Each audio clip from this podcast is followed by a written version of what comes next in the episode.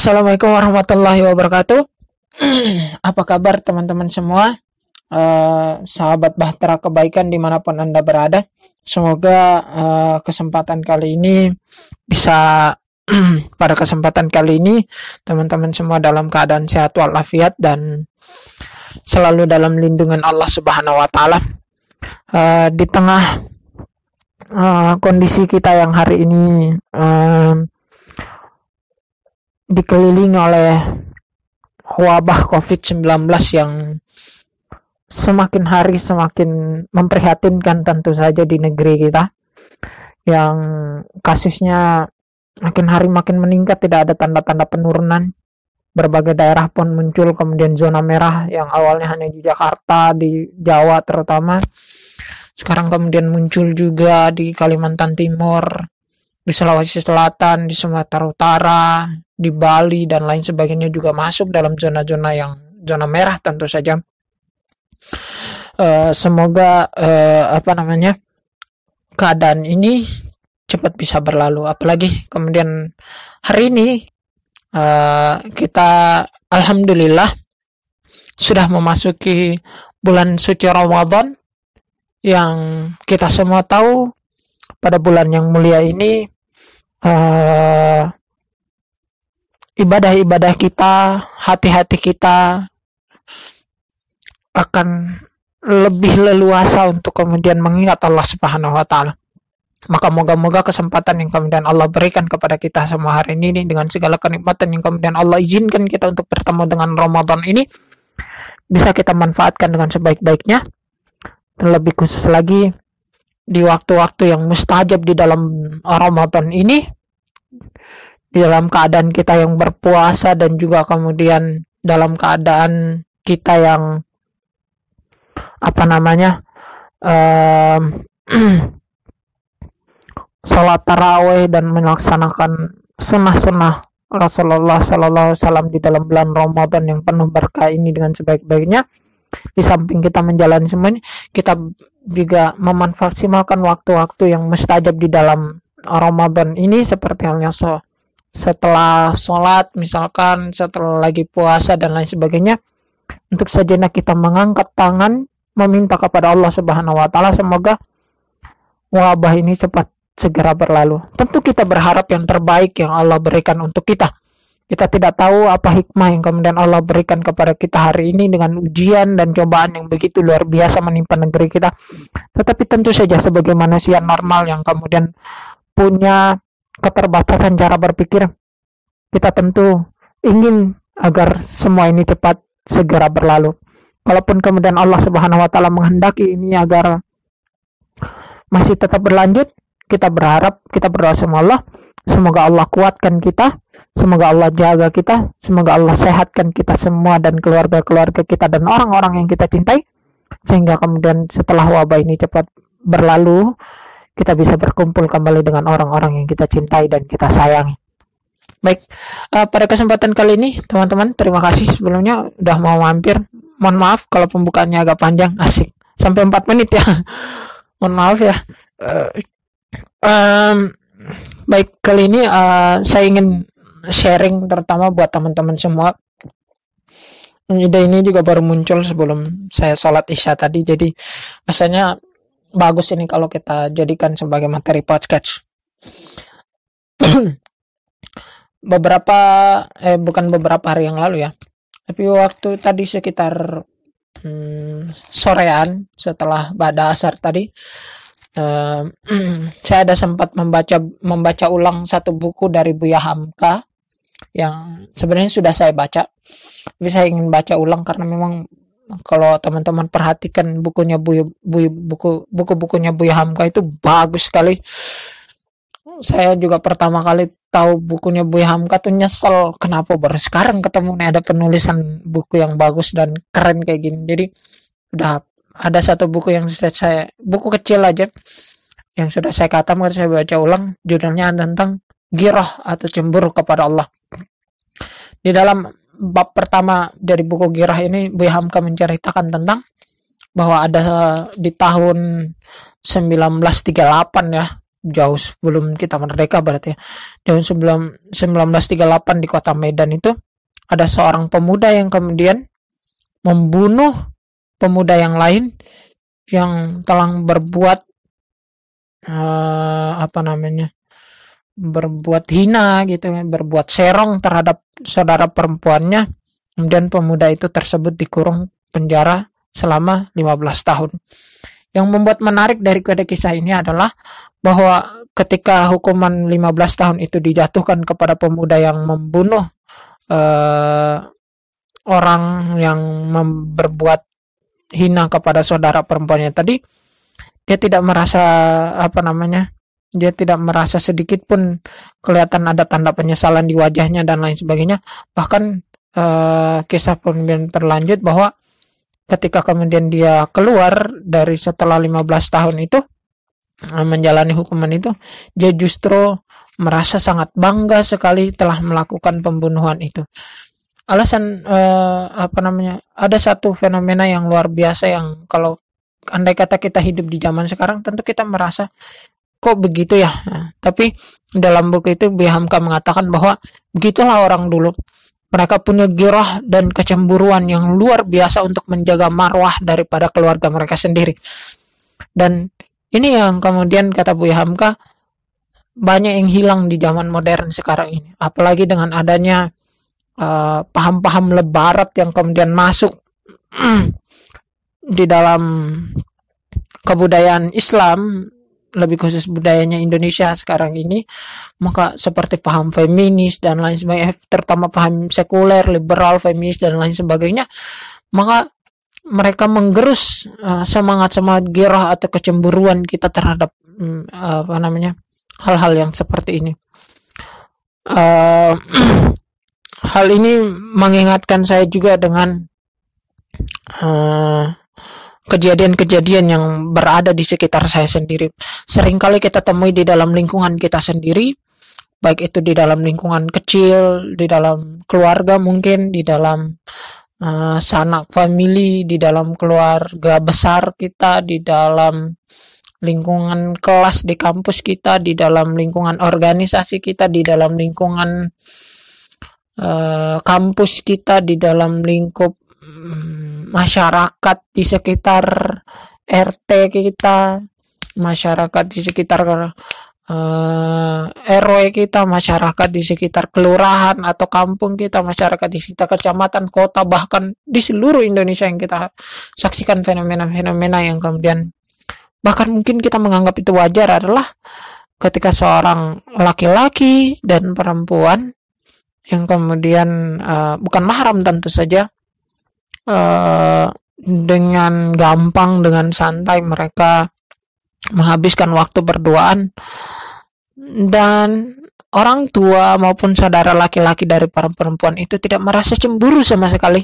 Tidak merasa bahwa itu hal yang tabu yang harus dilarang. Bahkan sering kali kita dapati kabar bahwa justru yang menjodohkan mereka adalah saudaranya sendiri. Yang justru menjodohkan mereka adalah orang tua orang tua mereka sendiri itu sebuah fenomena yang hari ini kita saksikan.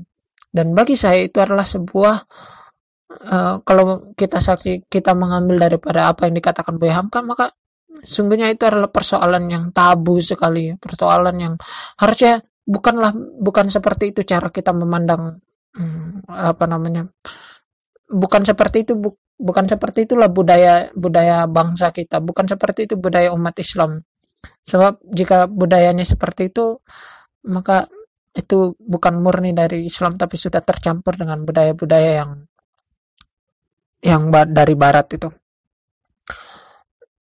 Beberapa waktu yang lalu saya juga teringat dengan sebuah kisah yang ada di miris di kampus saya sendiri bahwa uh, ada sebuah kasus kejahatan seksual yang dilakukan oleh mahasiswa um, di kampus saya. Di dari saya lupa jurusannya tapi di mahasiswa fakultas sosial dan ilmu politik yang ada di Universitas Mulawarman yang melakukan kejahatan seksual terhadap pacarnya sendiri. Yang sampai kemudian kalau kita baca dalam kronologi yang kemudian dia sampaikan itu kejadian-kejadiannya memang sangat andai kata kita membacanya betul-betul secara detail dan sama kita akan pasti akan sangat marah dan lebih banyak istighfar. Jangan sampai kemudian kejadian itu menimpa diri kita.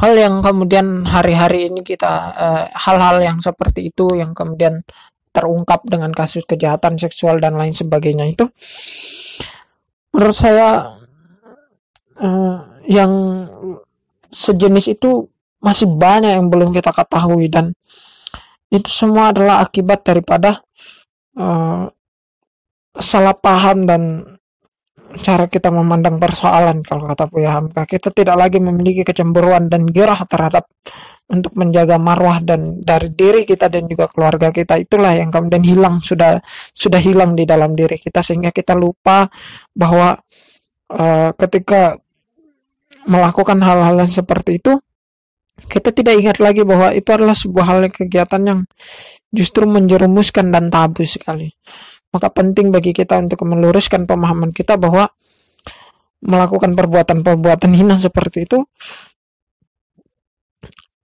adalah dilarang oleh agama kita.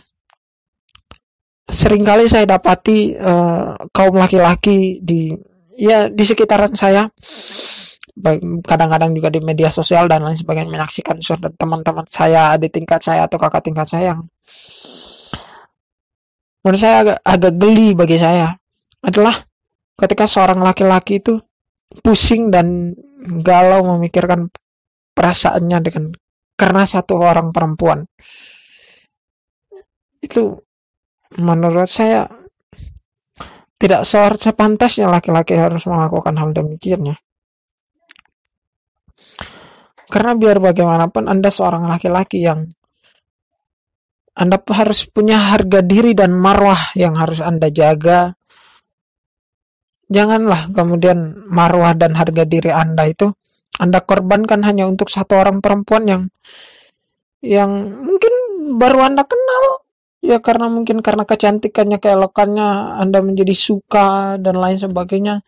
Yang katanya cinta pada lomong kosong yang katanya sayang pada lomong kosong. Hanya karena itu Anda saudara mengorbankan marwah dan harga diri Anda sebagai seorang laki-laki lalu kemudian menuruti hawa nafsu itu bagi saya itu sebuah perbuatan yang sangat-sangat menurut saya hina sekali bagi seorang laki-laki kalau Anda kemudian melakukan hal yang seperti itu. Kenapa? Karena seorang laki-laki itu harusnya Ar-rijalu qawwamuna 'alan nisa. Seorang pelindung bagi laki-laki itu adalah pelindung bagi seorang perempuan. Bagaimana kemudian Anda mau melindungi orang lain, melindungi seorang perempuan, sementara untuk diri Anda sendiri Anda tidak bisa lindungi, untuk perasaan Anda sendiri Anda tidak bisa jaga. Makna ar-rijalu qawwamuna 'alan nisa ini juga bahwa seorang laki-laki itu adalah pemimpin bagi seorang perempuan. Bagaimana kemudian seorang laki-laki itu harus bisa menjadi pemimpin untuk perempuan. Bagaimana kemudian Anda bisa memimpin perempuan kalau kemudian diri Anda sendiri pun Anda masih belum bisa pimpin perasaan Anda sendiri Anda bisa masih belum kontrol dan kelola. Nah, ini problem yang hari-hari ini kita saksikan dengan kualitas yang saya bilang ini laki-laki banyak yang lebay dan alay kayak gini diperparah lagi dengan keadaan-keadaan yang hari ini kalau kita saksikan. Uh, banyak yang laki-laki yang ya seperti yang saya katakan galau karena tinggal sama pacarnya yang perempuan dan lain sebagainya. Baru kemudian mengurung diri dan lain sebagainya. Itu perbuatan yang menjijikan sebetulnya bagi saya. Karena buat apa laki-laki melakukan hal seperti itu perempuan mana yang mau juga sama laki-laki lebay ya kayak anda? Perempuan ya mau kalau anda bukti bahwa anda sayang sama perempuan itu jangan melakukan hal-hal yang jijikan seperti itu. Tunjukkan bahwa anda itu adalah seorang laki-laki yang punya harga dan marwah harga diri di hadapan anda. Kalau ada seorang perempuan yang kemudian mengecewakan anda karena kisah cinta dan lain sebagainya ngapain dipertahanin diperjuangin?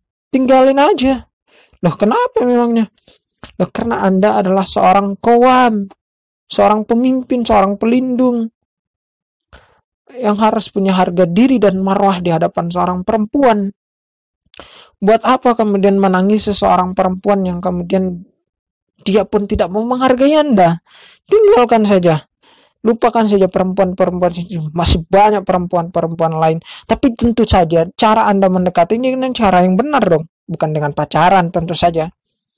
Maksud saya kalau Anda kemudian hari ini galau, galau dan lain sebagainya karena mungkin ditinggal ditinggal nikah gitu sama orang yang Anda sayang dan lain sebagainya ya sudahlah Lupakanlah itu semua sebagai bagian daripada cerita hidup dan kekilapan Anda. Segera bertobat sama Allah. Barangkali itu Allah ingin menunjukkan kepada Anda bahwa dia memang tidak pantas untuk Anda. Jadi akhir eh, cara Anda untuk kemudian apa namanya menunjukkan bahwa Anda salah seorang kaum, seorang pemimpin, seorang pelindung dan lain sebagainya punya harga diri dan marwah terhadap perempuan adalah jangan tunjukkan kesedihan, jangan pamerkan kesedihan, jangan pamerkan kegalauan Anda kepada dia. Karena seorang perempuan itu pasti akan makin jijik kalau ngeliat Anda tuh galau, Anda tuh yang kayak begitu-begitu alay dan lain sebagainya. Lebih baik uh, perempuan per untuk uh, kalian yang mungkin tersakiti ditinggal nikah dan lain sebagainya ya cari aja perempuan lain masih banyak perempuan yang main yang lebih pantas untuk anda lindungi dan memang betul ada lebih banyak lagi pantas perempuan yang Anda lindungi. Ambil contoh saudara-saudara Anda. Masih mereka lebih layak untuk Anda lindungi, Anda sayangi. Ibu Anda, ibu ibu saudara maksud saya. Ibu saudara-saudara sekalian, mereka lebih layak untuk Anda sayangi, untuk anda cintai dan lain sebagainya. Kakek, eh kakek lagi nenek-nenek Anda, tante-tante, keluarga besar family Anda yang perempuan yang ada di dalam lingkungan Anda yang kemudian dulu Anda kecil mereka begitu sayang sama Anda. Sekarang dong kesempatan Anda untuk kemudian membalas segala kasih sayang mereka. Ngapain habiskan waktu untuk menyayangi perempuan yang yang baru Anda kenal berapa bulan yang lalu, yang Anda baru tahu beberapa bulan hanya karena keelokan kecantikan dia, Anda bilang saya, Anda sudah jatuh hati dan cinta dan lain sebagainya. Ah lah bullshit, omong kosong. Ngapain habiskan waktu untuk perempuan-perempuan seperti itu. Lebih baik Anda habiskan waktu dengan perempuan-perempuan yang memang sudah terbukti mereka memberikan pengaruh yang besar terhadap kehidupan Anda sendiri. Yuk, ini penting untuk kemudian kita uh, pahami. Kenapa? Karena banyak orang yang kemudian terjebak dengan pemikiran-pemikiran seperti itu. Salah paham uh, dari salah cara berpikir itulah yang kemudian menentukan hati kita juga salah dalam menilai sesuatu banyak orang yang kemudian uh, ketika kita mengatakan bahwa eh jangan terlalu lebay dong, jangan terlalu galau dong mikirin perasaan dan lain sebagainya, mereka mengatakan bahwa wajar dong kita manusia gitu kan. Kan kita punya perasaan, masa kita nggak boleh sih gunain perasaan? Bukan begitu problemnya. Masalahnya Anda itu laki-laki kalau anda perempuan kalau wajar kalau perempuan tuh pakai perasaan anda laki-laki dominannya harusnya pikiran. Kalau anda laki-laki dominannya perasaan ya apa bedanya kau sama perempuan?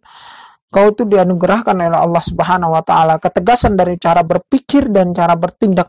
Maka maksimalkan itu sebagai sebuah potensi. Jangan kemudian hancurkan uh, apa namanya potensi yang kemudian sudah Allah kasih itu. Hanya untuk menuruti hawa nafsu kita. Sebab ke depan ketika kemudian nanti Anda menikah dan lain sebagainya, mau tidak mau, suka tidak suka, yang kemudian harus terkuras lebih banyak pikirannya, nah harus Anda, bukan istri Anda. Saudara maksudnya. Jadi, mari sebagai seorang laki-laki itu janganlah lebay, jangan alay, galau, dan kemudian memikirkan perempuan yang mungkin uh, entah bagaimana dia bisa hadir dalam kehidupan kita yang ya Allah takdirkan untuk di kita ya udahlah. Kalau misalnya kalau anda sayang anda cinta dan lain sebagainya ya ambil jalan yang baik buat kemudian menghalalkan dia dan lain sebagainya. Kalau belum siap ya sadar diri jaga komunikasi jangan jangan buka celah untuk hal-hal yang seperti itu sebagai seorang laki-laki juga harus bisa menunjukkan bahwa uh, semangat kita sebagai seorang laki-laki harus pelindung bagi seorang perempuan. Ada satu hal yang kadang-kadang sering terkali terlupa bagi kaum kaum laki-laki adalah ketika mereka melakukan hal yang memacari mungkin seperti itu kau salah per, salah satu perempuan yang bukan mahramnya dia dan lain sebagainya. Mungkin adik tingkat atau mungkin teman teman kelas di kampus dan lain sebagainya. Atau kakak tingkat bahkan mungkin sering kali terlupa bahwa dia tidak sadar bahwa apa yang kemudian ia lakukan itu yang dilakukan terhadap perempuan lain itu dia tidak ingat bahwa bisa saja ada laki-laki lain yang melakukan terhadap perempuan yang dia sayangi terhadap saudara perempuannya terhadap ibunya dan lain sebagainya. Ini yang kadang-kadang kalau dalam kalau dalam bahasa kita mungkin hukum karma itu. Walaupun dalam Islam sebenarnya tidak mengenal istilah karma. Yang Islam yang kenal adalah bahwa uh, apa yang kau tanam ya itu itu yang akan kau, kau petik gitu. Kalau hari ini kita menanam keburukan maka suatu saat nanti percaya tidak percaya kita akan menanam memetik keburukan itu sendiri saya secara pribadi uh, salah satu hal yang membuat motivasi saya kemudian tidak ingin terlibat dalam persoalan percintaan-percintaan begini adalah karena saya takut apa yang saya lakukan terhadap perempuan terhadap seorang perempuan yang bukan mahram itu dilakukan oleh laki-laki yang yang entah bagaimana adanya dia lakukan kepada saudara perempuan saya kepada anak saya nanti kepada kemudian ibu saya dan lain sebagainya mungkin dia memperlakukan hal yang buruk makanya seketika saya sangat sedih ketika mendengar cerita-cerita yang banyak sekali beredar dari teman-teman saya. Banyak model pacaran zaman sekarang yang kemudian akhirnya membuat perempuan itu menjadi rusak. Menjadi tidak lagi kemudian punya kehormatan. Dirusaknya kehormatannya dia sebagai seorang mahkotanya hilang hilang karena pacaran karena atas sama cinta yang ngomong kosong atas sama sayang yang bullshit itu ini sebuah ironi bagi kita semua maka sebagai seorang laki-laki sadarilah bahwa kalau Anda melakukan sesuatu terhadap perempuan lain dengan perbuatan yang seperti itu, ingatlah bahwa Anda punya saudara, ingatlah bahwa Anda adalah calon ayah yang bisa hadir suatu saat nanti anak perempuan Anda diperlakukan demikian. Kalau Anda hari ini menghormati perempuan, menjaga perempuan, melindungi perempuan, dan menjaga marwahnya mereka, maka percayalah orang lain juga akan melakukan seperti itu terhadap perempuan-perempuan yang Anda cintai misalkan ibu Anda, saudara Anda, bahkan mungkin nanti anak-anak Anda.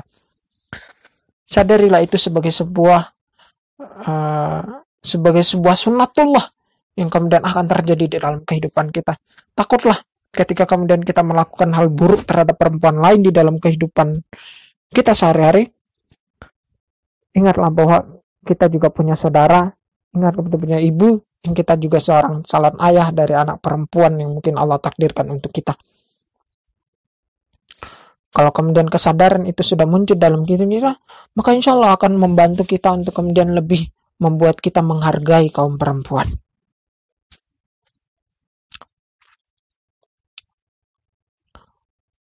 Dan terakhir, eh bukan terakhir, tentu saja persoalan uh, pacaran atau persoalan perasaan anak muda zaman sekarang yang ini memang sebuah persoalan yang pelik tentu saja. Tapi kita harus akui bahwa uh, inilah kualitas kita yang uh, saya juga harus mengakui bahwa uh, sulit sekali rasanya kita hidup di zaman sekarang kemudian menjaga hal-hal yang sedemikian rupa. Kenapa saya katakan sulit? Karena saya juga pernah mengalami dan dalam tanda kutip saya mengalami artinya uh, bukan berarti saya pacaran ya dalam tanda kutip uh, saya mengalami juga dalam fase yang mungkin kita jatuh hati sama orang, kita jatuh cinta sama orang dan lain Saya juga mengalami itu. Saya menunjukkan bahwa itu normal dan sah-sah saja yang kemudian harus kita akui bahwa itu adalah bagian daripada karunia yang Allah berikan kepada kita.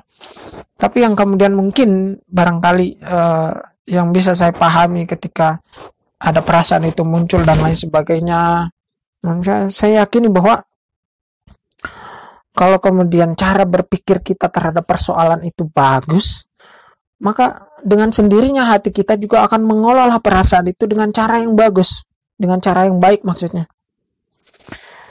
Kalau kemudian cara berpikir kita adalah memandang bahwa kemudian ketika kita suka sama seorang lain adalah harus kita pacari, maka hati kita juga akan kemudian mendorong kita untuk melakukan hal yang demikian.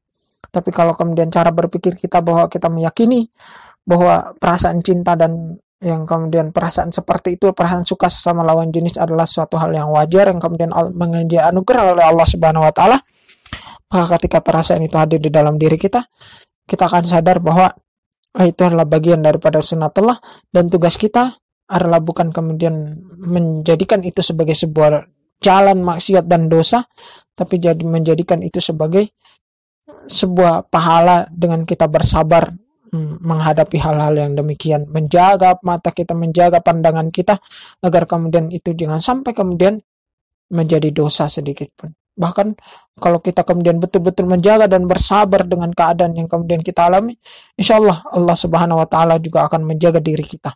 Kalau kita mampu menjaga apa yang kemudian Allah titipkan kepada kita, maka pasti Allah akan membantu kita untuk menjaga itu. Tidak cukup kemudian Allah membantu untuk menjaga, tapi juga Allah memberikan ganjaran pahala yang luar biasa untuk kita. Inilah yang kadang kita lupa sebagai seorang, sebagai anak muda.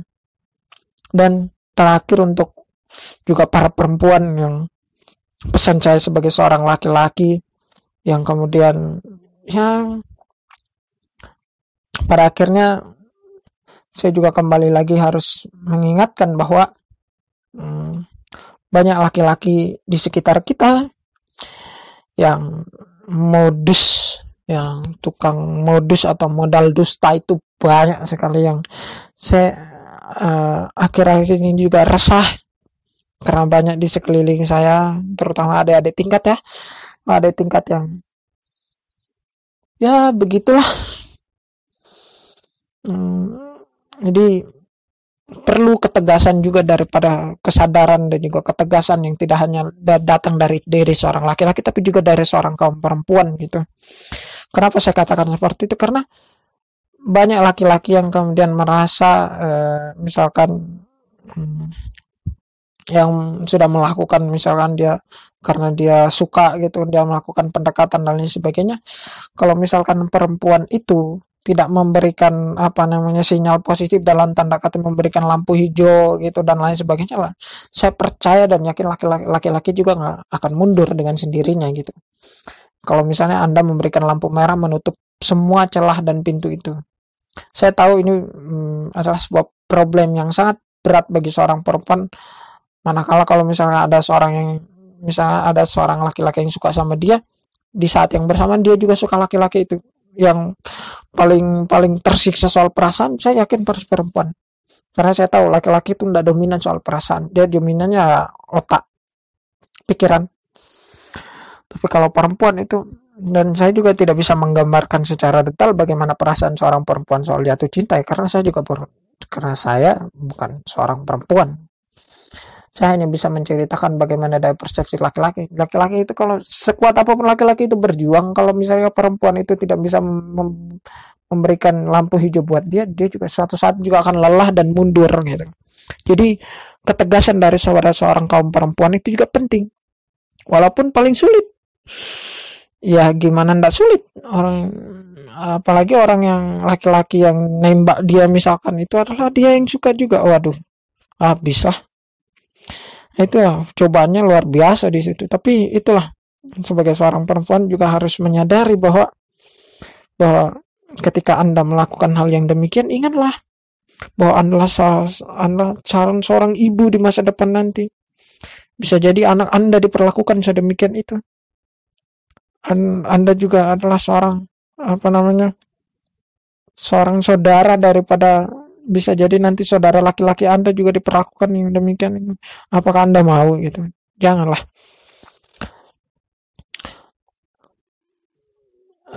Ketegasan dari seorang perempuan juga penting untuk diharapkan untuk saling berkolaborasi.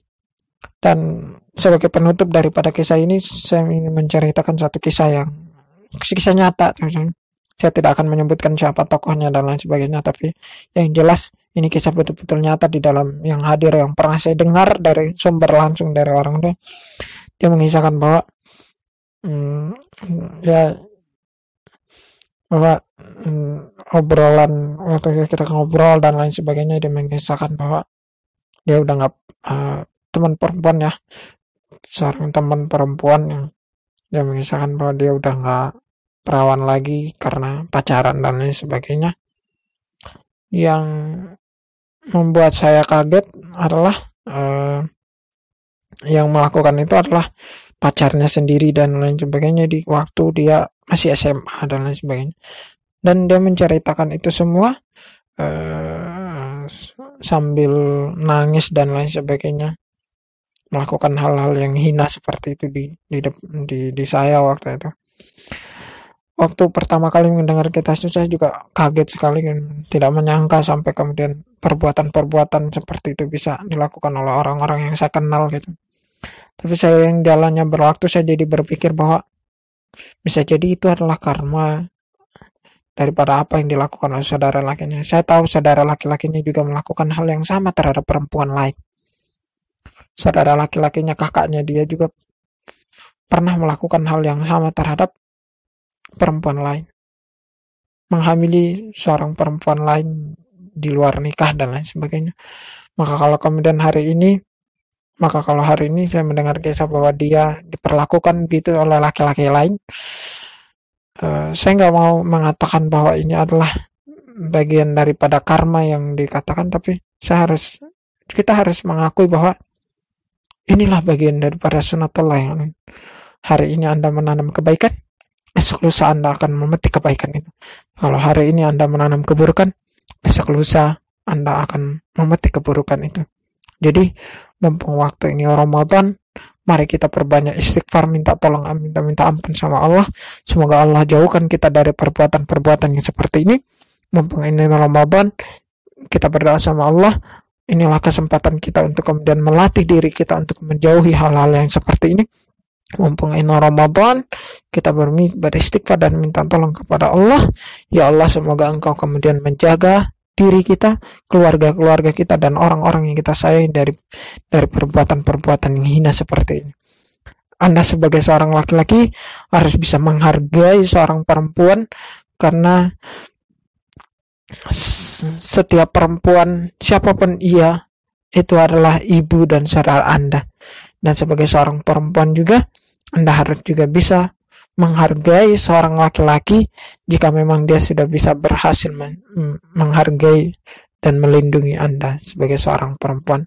Jangan pernah uh, mengkhianati uh, perjuangan laki-laki dan perempuan-perempuan hebat yang ada di dalam hidup kita sebagai seorang anak muda yang kemudian mungkin belum menikah dan lain sebagainya, jangan habiskan waktu Anda untuk kemudian galau-galau dan memikirkan hal-hal yang tidak penting. Lebih baik habiskan waktu Anda untuk kemudian membahagiakan orang-orang yang Anda cintai. Habiskan waktu Anda untuk mengejar cita-cita Anda untuk kemudian nanti eh, bisa membahagiakan orang-orang yang kalian cintai. Demikian itu dari saya. Saya Farhan Paji. Terima kasih sudah mendengarkan. Mohon maaf kalau obrolan kita kali ini mungkin agak receh dan lain sebagainya. Terima kasih sudah mendengarkan. Saya akhiri. Assalamualaikum warahmatullahi wabarakatuh. Sampai jumpa di podcast kita selanjutnya. Terima kasih sahabat Bahtera Kebaikan. Audio Jungle.